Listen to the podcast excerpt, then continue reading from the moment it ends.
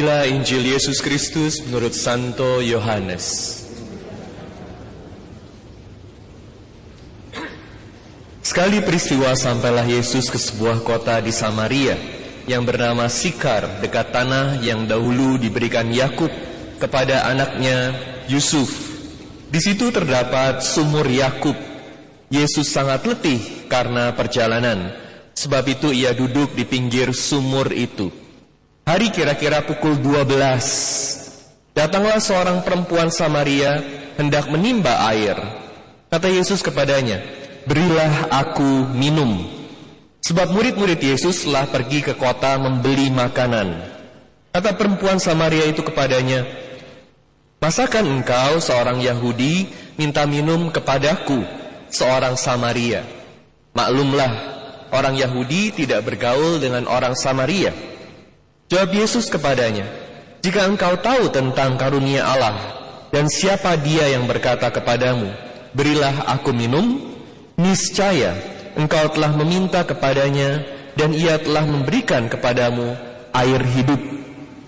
Kata perempuan itu kepadanya, Tuan, engkau tidak punya timba dan sumur ini amat dalam. Dari manakah engkau memperoleh air hidup itu? Apakah engkau lebih besar daripada bapa leluhur kami Yakub yang memberikan sumur ini kepada kami dan ia sendiri telah minum dari dalamnya? Ia beserta anak-anak dan ternaknya. Jawab Yesus kepadanya Siapa saja minum air ini ia akan haus lagi.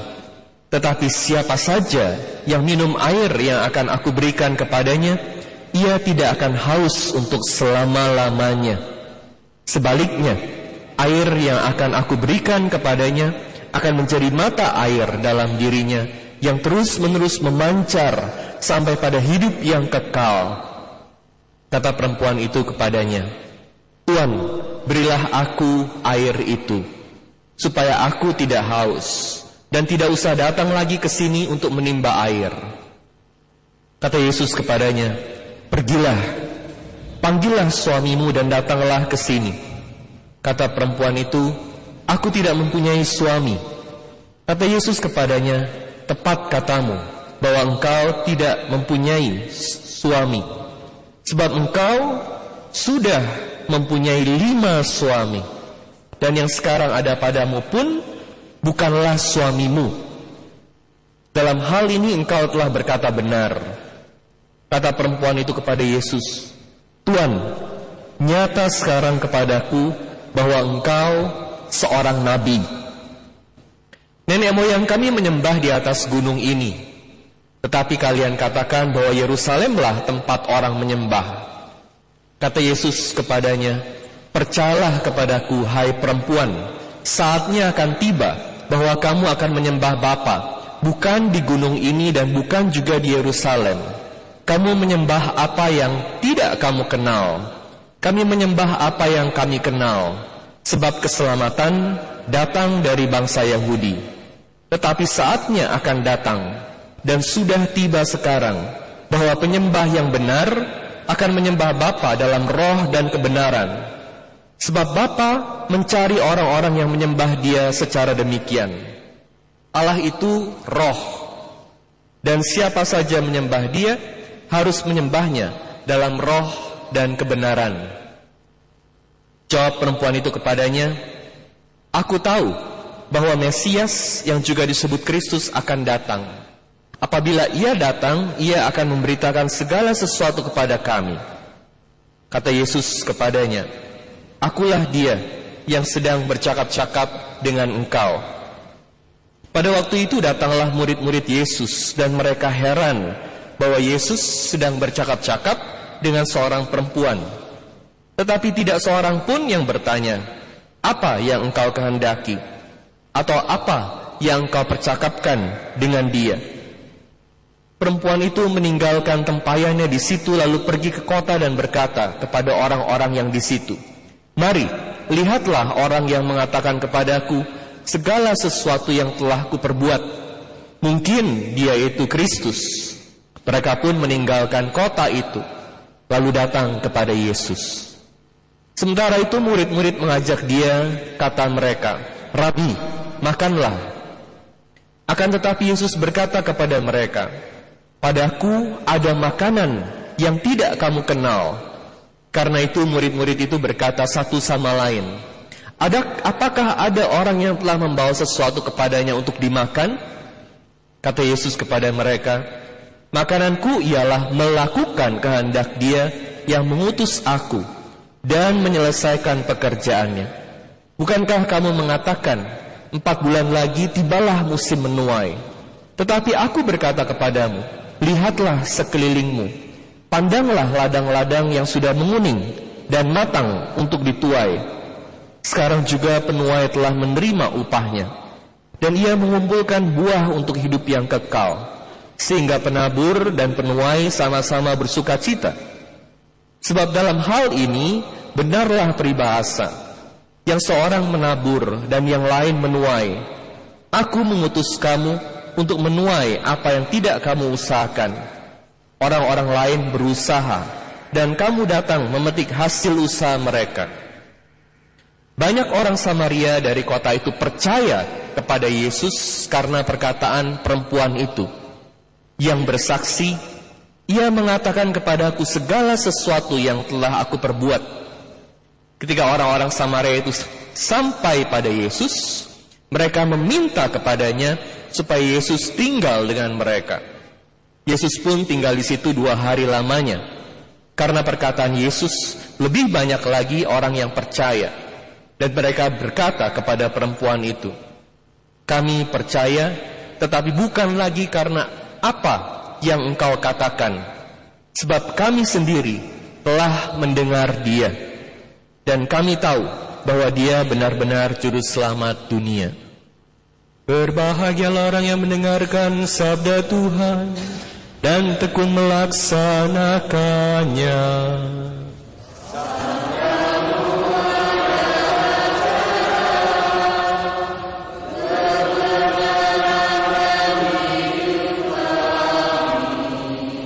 Demikianlah Injil Tuhan.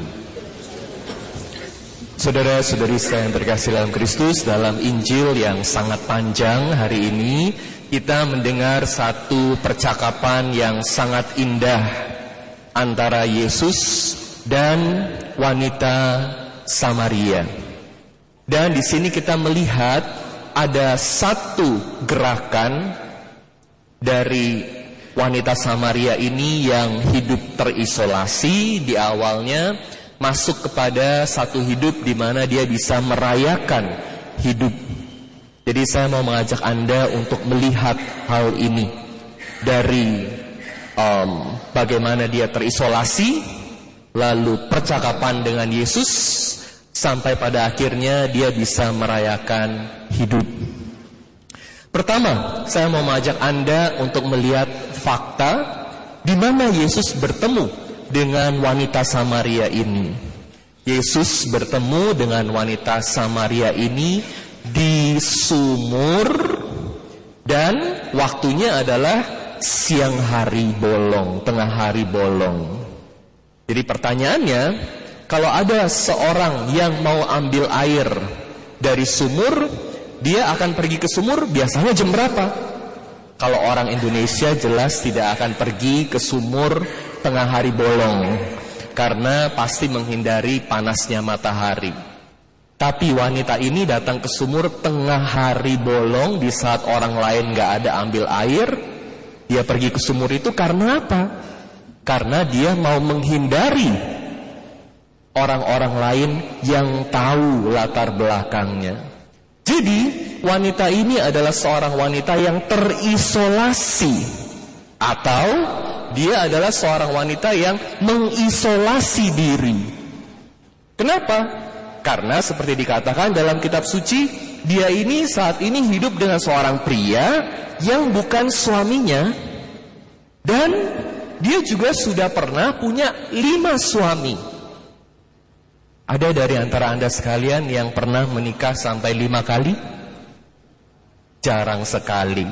Saya belum pernah ketemu. Ya. Yang jelas wanita ini punya latar belakang sejarah hidup yang tidak mudah. Jadi kalau dia itu pergi ke sumur siang hari bolong kita bisa ngerti. Karena daripada ketemu banyak orang yang akan tanya kepada dia, oh bagaimana ini, oh bagaimana itu, dan dia harus jawab. Jawabnya aja nggak gampang. Atau ketemu dengan orang-orang yang nggak mau ngomong sama dia.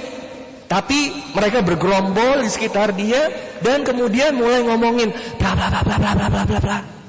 Dan itu juga walaupun nggak ngomong langsung tetap bisa kedengeran. Kan gosip seperti itu kan? Jadi wanita ini bisa mengisolasi diri atau diisolasi. Gak mudah jadi orang seperti ini yang terisolasi. Dan tentu di zaman ini, di saat ini, kalau saya katakan kata isolasi, kita langsung pikirnya coronavirus. Ya. Jadi ya syukur pada Tuhan saya ada di Itali, di kota Roma, karena tugas dari tanggal 5 sampai tanggal 19 Februari. Waktu saya ada di Roma, itu hidup sepertinya normal aja, turis begitu banyak, ada banyak orang, kita nggak takut apa-apa, seolah-olah masalah coronavirus itu begitu jauh dari mereka. Tapi waktu saya pulang, dan saya sampai Indonesia tanggal 20 Kemudian saya lihat mulai berita tanggal 21 Itu udah mulai naik angkanya. Waktu tanggal 19 itu cuma ada tiga orang yang kena Tanggal 21 itu udah ada uh, belasan Dan cepat sekali naiknya puluhan.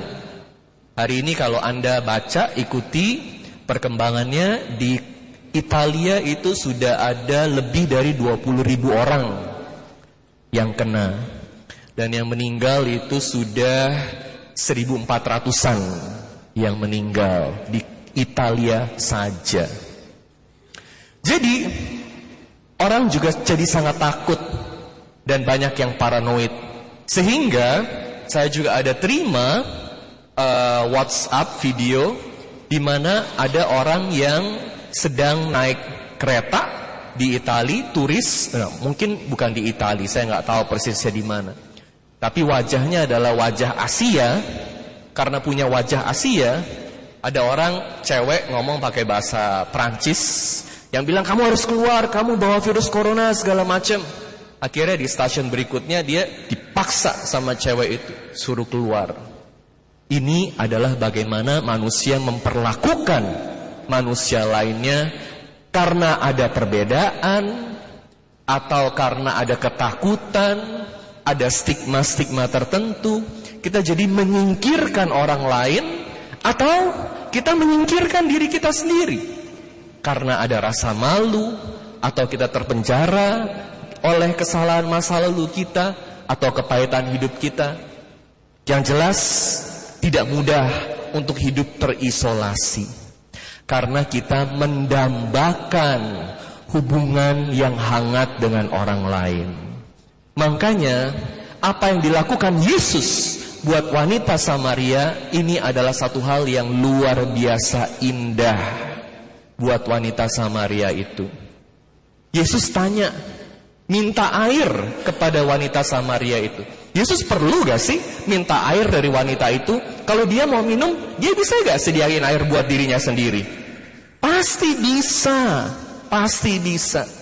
Tapi kenapa Yesus mau berbicara dengan wanita itu minta air? Karena Yesus mau memulai satu percakapan. Dan percakapan itu adalah percakapan yang mengubah hidup wanita itu secara total. Anda bisa bayangkan kalau seorang wanita yang hidup terisolasi, lalu ada seorang yang mau berbicara kepada dia dengan ketulusan, dengan kejujuran, dengan kehangatan, gimana rasanya hatinya? Tentu wanita itu saat itu sangat tersentuh.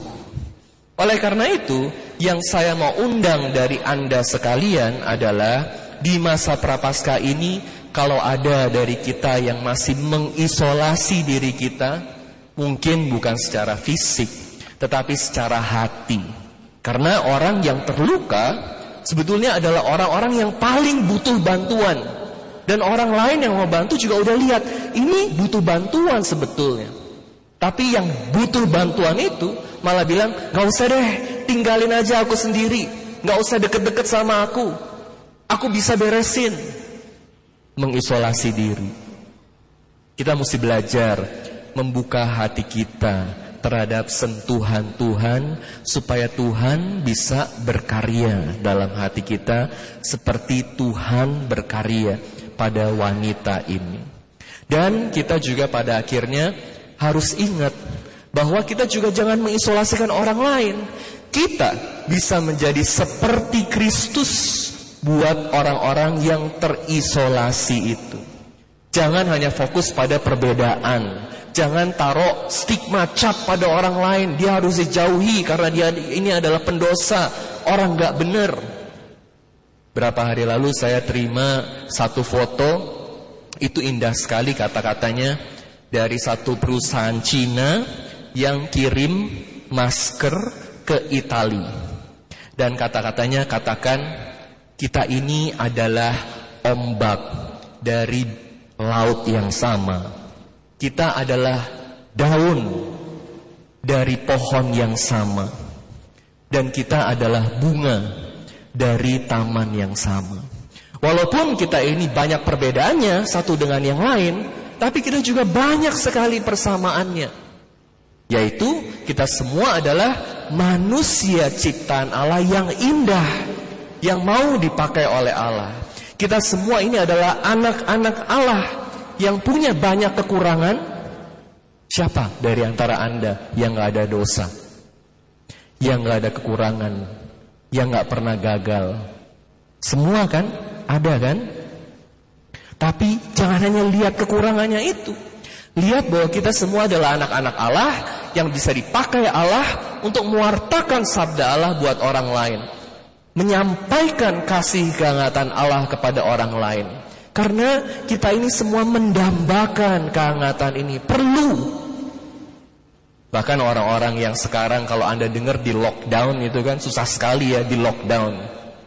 Jadi saya ada WhatsApp group sama frater-frater Dominikan yang dari Indonesia banyak sekali belajar di Manila, kota Manila ini lockdown. Jadi frater-frater cerita kalau di seminari mereka ada sekitar 60 orang nggak boleh keluar. Kalau mau keluar mesti minta izin. Di Italia juga begitu, semua kota di lockdown. Jadi kalau mau keluar itu mesti jarang sekali keluar. Tapi yang namanya manusia selalu mencari kehangatan, connection. Kita butuh berbicara, bercakap-cakap, butuh humor, butuh dikasihi. Makanya itu eh, orang-orang di kota-kota Itali ada videonya yang gambarkan bagaimana mereka dari balkoni lantai 5, lantai 6, lantai 7 mereka berusaha mengkoneksi satu dengan yang lain jadi nyanyi lagu bareng-bareng dari satu apartemen ke apartemen lain bisa pada saling uh, ya teriak-teriak. Karena apa? Karena kita nggak bisa hidup sendiri. Kita selalu butuh orang lain dan kehangatan bersama orang lain.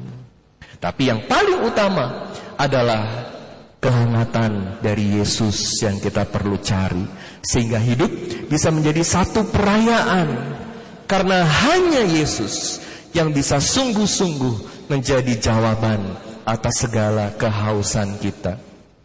Kalau kita bergantung hanya pada manusia, sumbernya itu bisa kering, sumurnya cepat habis, rotinya bikin kita lapar lagi. Tapi Yesus adalah sumber air hidup. Yesus adalah roti yang selalu memberikan kepuasan kepada kita. Jadi kita harus cari Yesus sendiri. Kalau Yesus baik sama kita, seperti dikatakan dalam bacaan kedua ini yang sangat indah, ya, saya bacakan kepada Anda. Bacaan kedua. Sebab tidak mudah seorang mau mati untuk orang benar, tetapi mungkin untuk orang yang baik ada orang yang berani mati. Untuk mati buat orang bener aja susah kan? Berkorban demi keadilan, susah gak? Susah. Yang namanya berkorban tidak pernah mudah. Tapi saya lanjutkin. Tetapi Allah menunjukkan kasihnya kepada kita oleh karena Kristus telah mati untuk kita ketika kita masih berdosa.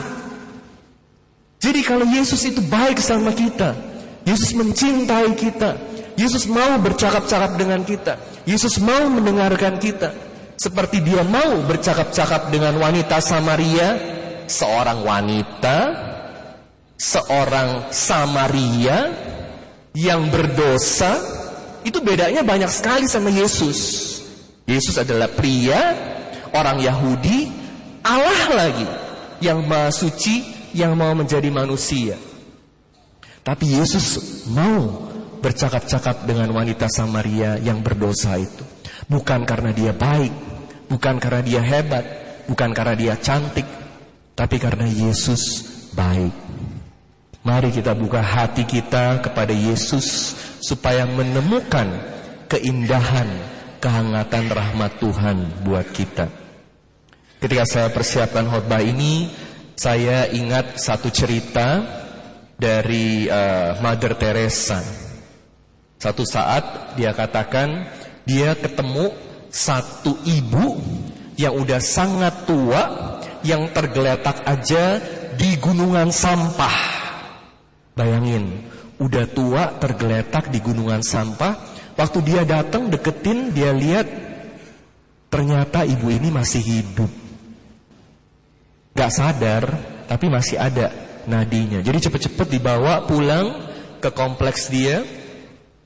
Waktu dibawa ke kompleksnya, kemudian um, dirawat dan bisa sadar.